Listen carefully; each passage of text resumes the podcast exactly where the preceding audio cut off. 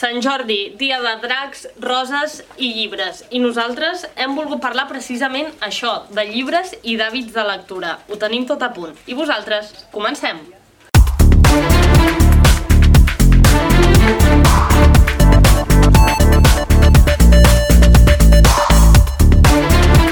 Sant Jordi, dia de llibres i roses, o modestres traficants canvien llibres per roses, com deien els xarango, que tant li agraden a la nostra tècnica de so, Laura Rovira. Enguany s'ha viscut de forma diferent, comparat amb el 2020, i precisament nosaltres en volem parlar. Volem parlar de llibreries, però no d'aquelles que ja tenim vistes i familiaritzades, sinó unes llibreries que són una miqueta diferents. I ho feim amb l'Oliver Bueno, de responsable de Dracar. Molt bon dia, Oliver. Hola, què tal? I també amb la Bàrbara Garcia Bo, que està al capdavant de Rirrit. Molt bon dia, Bàrbara. Hola, bon dia. Bàrbara, escolta, començarem per tu perquè ets la, la que tenim més lluny de tot. Explica'ns, quina és la característica de la teva llibreria? Bueno, la nostra llibreria té la característica que el que fem és comprar i vendre llibres. O sigui, li donem una segona oportunitat en aquells llibres que la gent no vol o que vol desfer-se'n i la nostra filosofia és que tothom pugui rellegir un llibre, tothom el pugui llegir de nou o que simplement el pugui vendre perquè ja no forma part de la seva vida. Uh -huh. com, com diries que la gent té resposta davant aquesta llibreria? Vull dir, la, la gent ve i us porta molts llibres i després ve molta gent i està interessada? Sí, perquè a la gent el que li pren el cor és que un llibre vagi a, a la basura. O sigui, la gent el que vol és que aquell llibre tingui una segona vida. Igual que l'ha tingut en aquella persona, perquè ha sigut un moment important de la seva vida, el que vol és que algú altre pugui xalar llegint-lo. Ah, llavors, la gent té resposta perquè ne porta molts quan ha de fer un canvi, un trasllat o simplement quan ja se'ls ha llegit i també s'interessa perquè ve i mira les novetats que, que van arribant cada dia, com fa l'altra gent, que les ven al final. Per això se retroalimenta de la gent que els porta a vendre i la gent que els compra. Uh -huh. Com heu viscut tot aquest temps de pandèmia? Perquè parlant amb les llibreries que ara comentava, generalistes, que tenim més familiaritzades, ens deien clar, nosaltres vam haver de tancar 100%, les editorials estaven tancades 100%, eh, no podíem tenir presentacions de llibre, no podíem tenir novetats. Vosaltres suposo que això és una miqueta diferent. I tant, perquè una mica la gràcia és quan tu vens a la botiga és veure tot el que ha arribat nou, lo, les novetats. Eh, llavors, clar, per molt que nosaltres volguéssim fer... O sigui, la possibilitat de la venda online no està, sí que hi ha unes targetes que sí que es van fer en el seu moment, però part de la gràcia, la nostra clientela li agrada veure, li agrada tocar, li agrada llegir les sinopsis i les contraportades, llavors tot això, lo directe i el contacte en el llibre es perd. Llavors va ser molt difícil, però vam tindre moltes ganes. A la primera que vam poder vam tornar a obrir i començar a treballar i des de llavors no hem parat gens. Uh -huh. I vosaltres, dates assenyalades com és Sant Jordi, ho noteu, així com passa en altres llibreries? Sí, i tant, perquè al final eh, som un país que, que estima molt a la literatura i que estima molt a la gent que estima. Llavors, quan arriba a aquestes dates, tothom vol fer-li un petit detall a aquelles persones que, que estimen. Llavors, un llibre que pugui reflectir com és aquella persona o que pugui dir alguna d'aquella persona que tu estimes sempre, sempre va bé i tothom diu, ai, doncs li compraré això a mon pare, ai, doncs li compraré això a ma mare. Saps? És com un detall que tothom vol tindre encara que, que sigui un, un, una novel·leta o el que sigui. Uh -huh. Ja per acabar amb tu, Bàrbara, perquè estem tenint avui alguns problemes tècnics i no podem ajuntar les dues veus, seria molt difícil.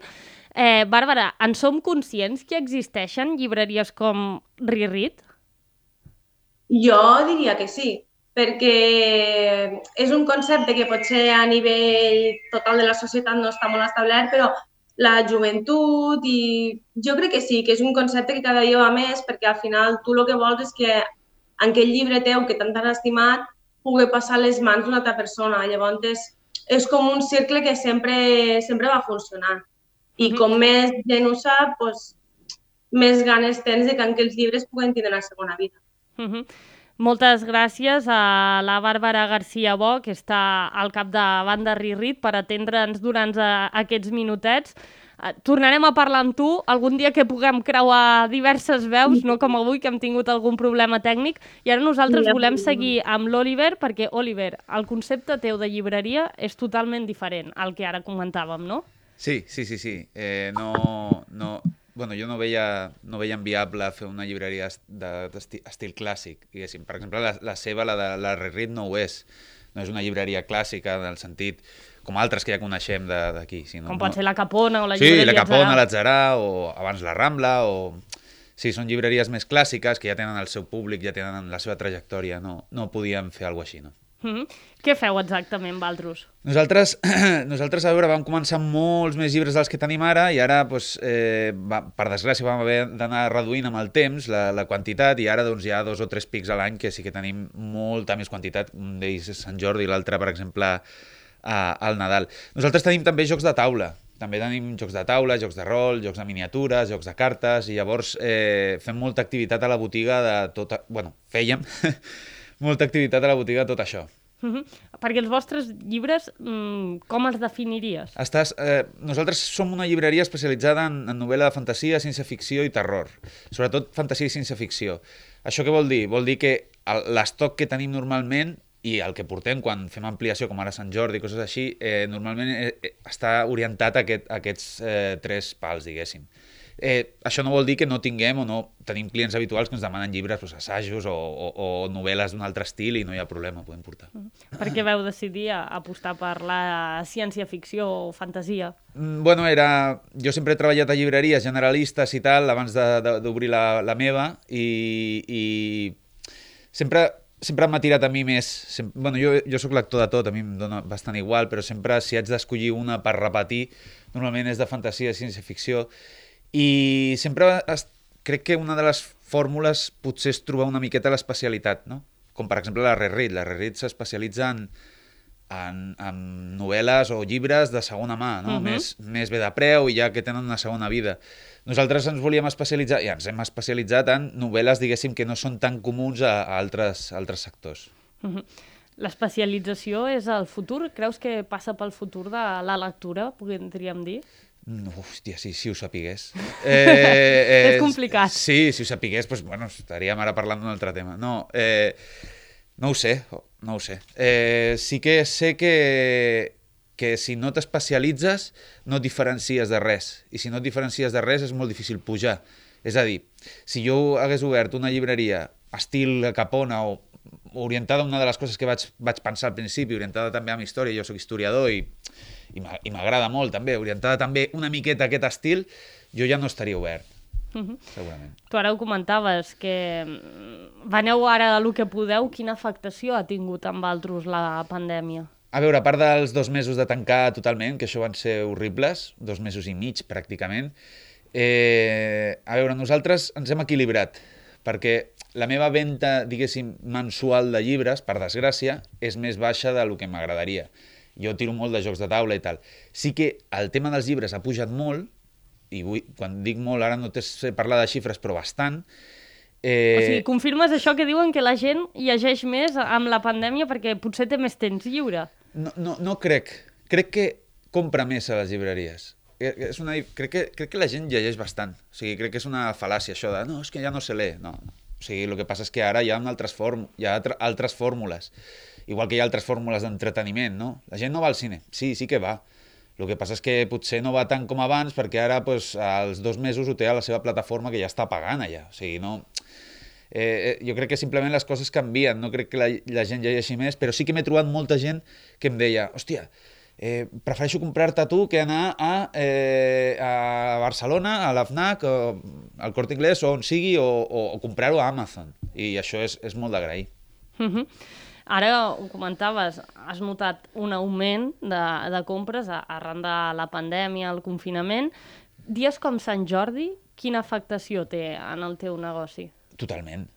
Totalment. O sigui, i, fins, i, i, i, i imagina't que, ja t'he dit que és, és, és una part del meu negoci que, per desgràcia, durant tot l'any és, és, eh, potser no la menor, però sí la menor de totes les branques que, que toco.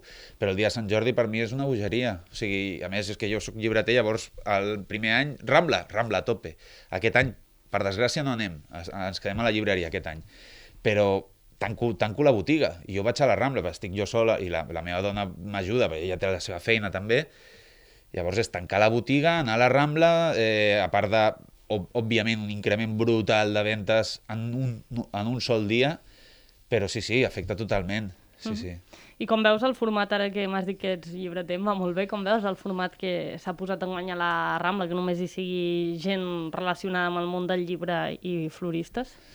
Eh, la veritat és que a mi no em sembla malament, però tampoc em sembla malament l'altra forma. És a dir, eh, jo, hosti, no passa res, vull dir, els, els, els, els partits polítics que es posen allà al costat no, no et menjaran el tarro si no vols. Vull dir, no, és, oh, és que han tret els partits polítics i les associacions i tal. Què, què més dona que estiguin? Tu pots passejar per allà o no? Vull dir, no, ningú t'obliga.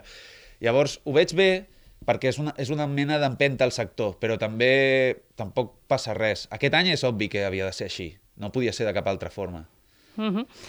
Ara, abans has posat una cosa molt interessant sobre la taula i era mm, la gent llegeix, és una fal·làcia dir que la gent no llegeix. Sí, sí, sí. En quins altres formats diries que llegeixen? Com ha evolucionat?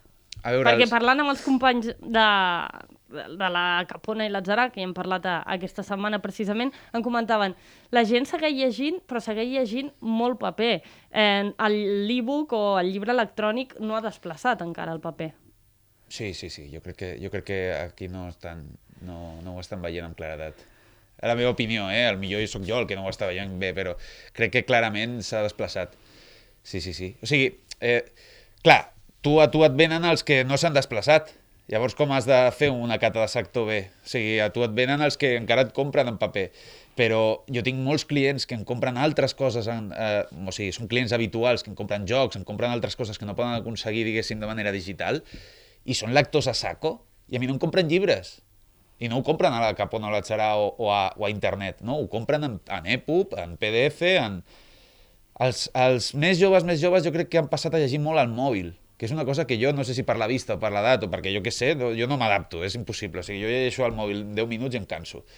Llavors jo sóc de llegir en paper, però clar, crec que aquesta, aquesta fornada de lectors joves, que tenen molt per escollir amb, amb molt bon preu, pujaran i compraran un llibre a, Sant Jordi. O sigui, compraran un llibre a Sant Jordi o a tal, ens, ens convertirem, diguéssim, en una altra cosa. No el romanticisme, no?, per dir-ho sí, d'alguna sí. manera. el regal, el regal, és que està molt guapo. O sigui, igual que, hosti, no regales una, una flor, una rosa, que, que, que es, es, pensa, es pensarà en una setmana.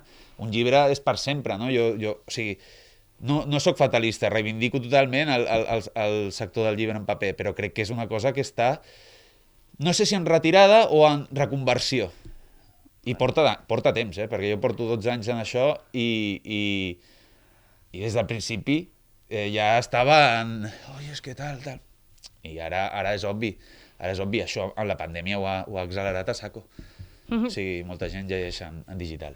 Sí, però també és un sector una mica difícil de reconvertir, perquè la gent més gran segueix anant a les llibreries i comprant en paper, no? Sí, sí, sí, sí, sí. I, i, i, i molts joves també. El que passa és que sí, és, és, és difícil reconvertir-ho, sí, clar. Si no, així, així, per exemple, fa 10 anys amb l'anterior crisi, eh, les llibreries de rang mitjà eh, tu anaves a Barcelona i estaven totes amb la, amb, la, amb la persiana baixada, és a dir, però per sempre era una cosa que va, va passar i, i, i es va reconvertir, es va polaritzar en dos, en dos punts, a les llibreries especialitzades o les grans. No, no, no, no, no hi ha més. Uh -huh. Per anar acabant, Oliver, aquesta setmana ja t'ho he comentat, hem parlat amb la llibreria La Capona, hem parlat amb la llibreria Atzarà i sempre acabàvem fent-los la mateixa pregunta que també et vull fer a tu. Què seria una ciutat sense llibreries? Bueno, una ciutat morta, no? Jo crec, vaja, no, no, no sé. Eh, a veure, la, la gent continuaria llegint, hem de, hem de banalitzar una miqueta això, continuaria llegint, llegiria, però no tindria aquests focus per anar, eh, estar, tocar, veure, eh, les presentacions, com deia, com deia abans la, la, la, la noia de la Rerit, i li preguntaves, això s'ha acabat aquest any de pandèmia, s'han polaritzat molt, tot, tots aquests moviments són el que poden donar un, un valor extra, jo crec, a una llibreria. No, no el simple fet de comprar un llibre que el tens aquí, el tens a 80.000 jocs diferents, no, no, no és tant això. Jo crec que no, jo crec que no seria una ciutat guai per viure, però és la meva opinió. Doncs moltes gràcies, Oliver Bueno, responsable de Dracar, que a més de llibreries també tenen jocs, tenen moltes altres coses per assistir i donar-nos aquests minutets aquest matí. Molt bé, moltes gràcies. Thank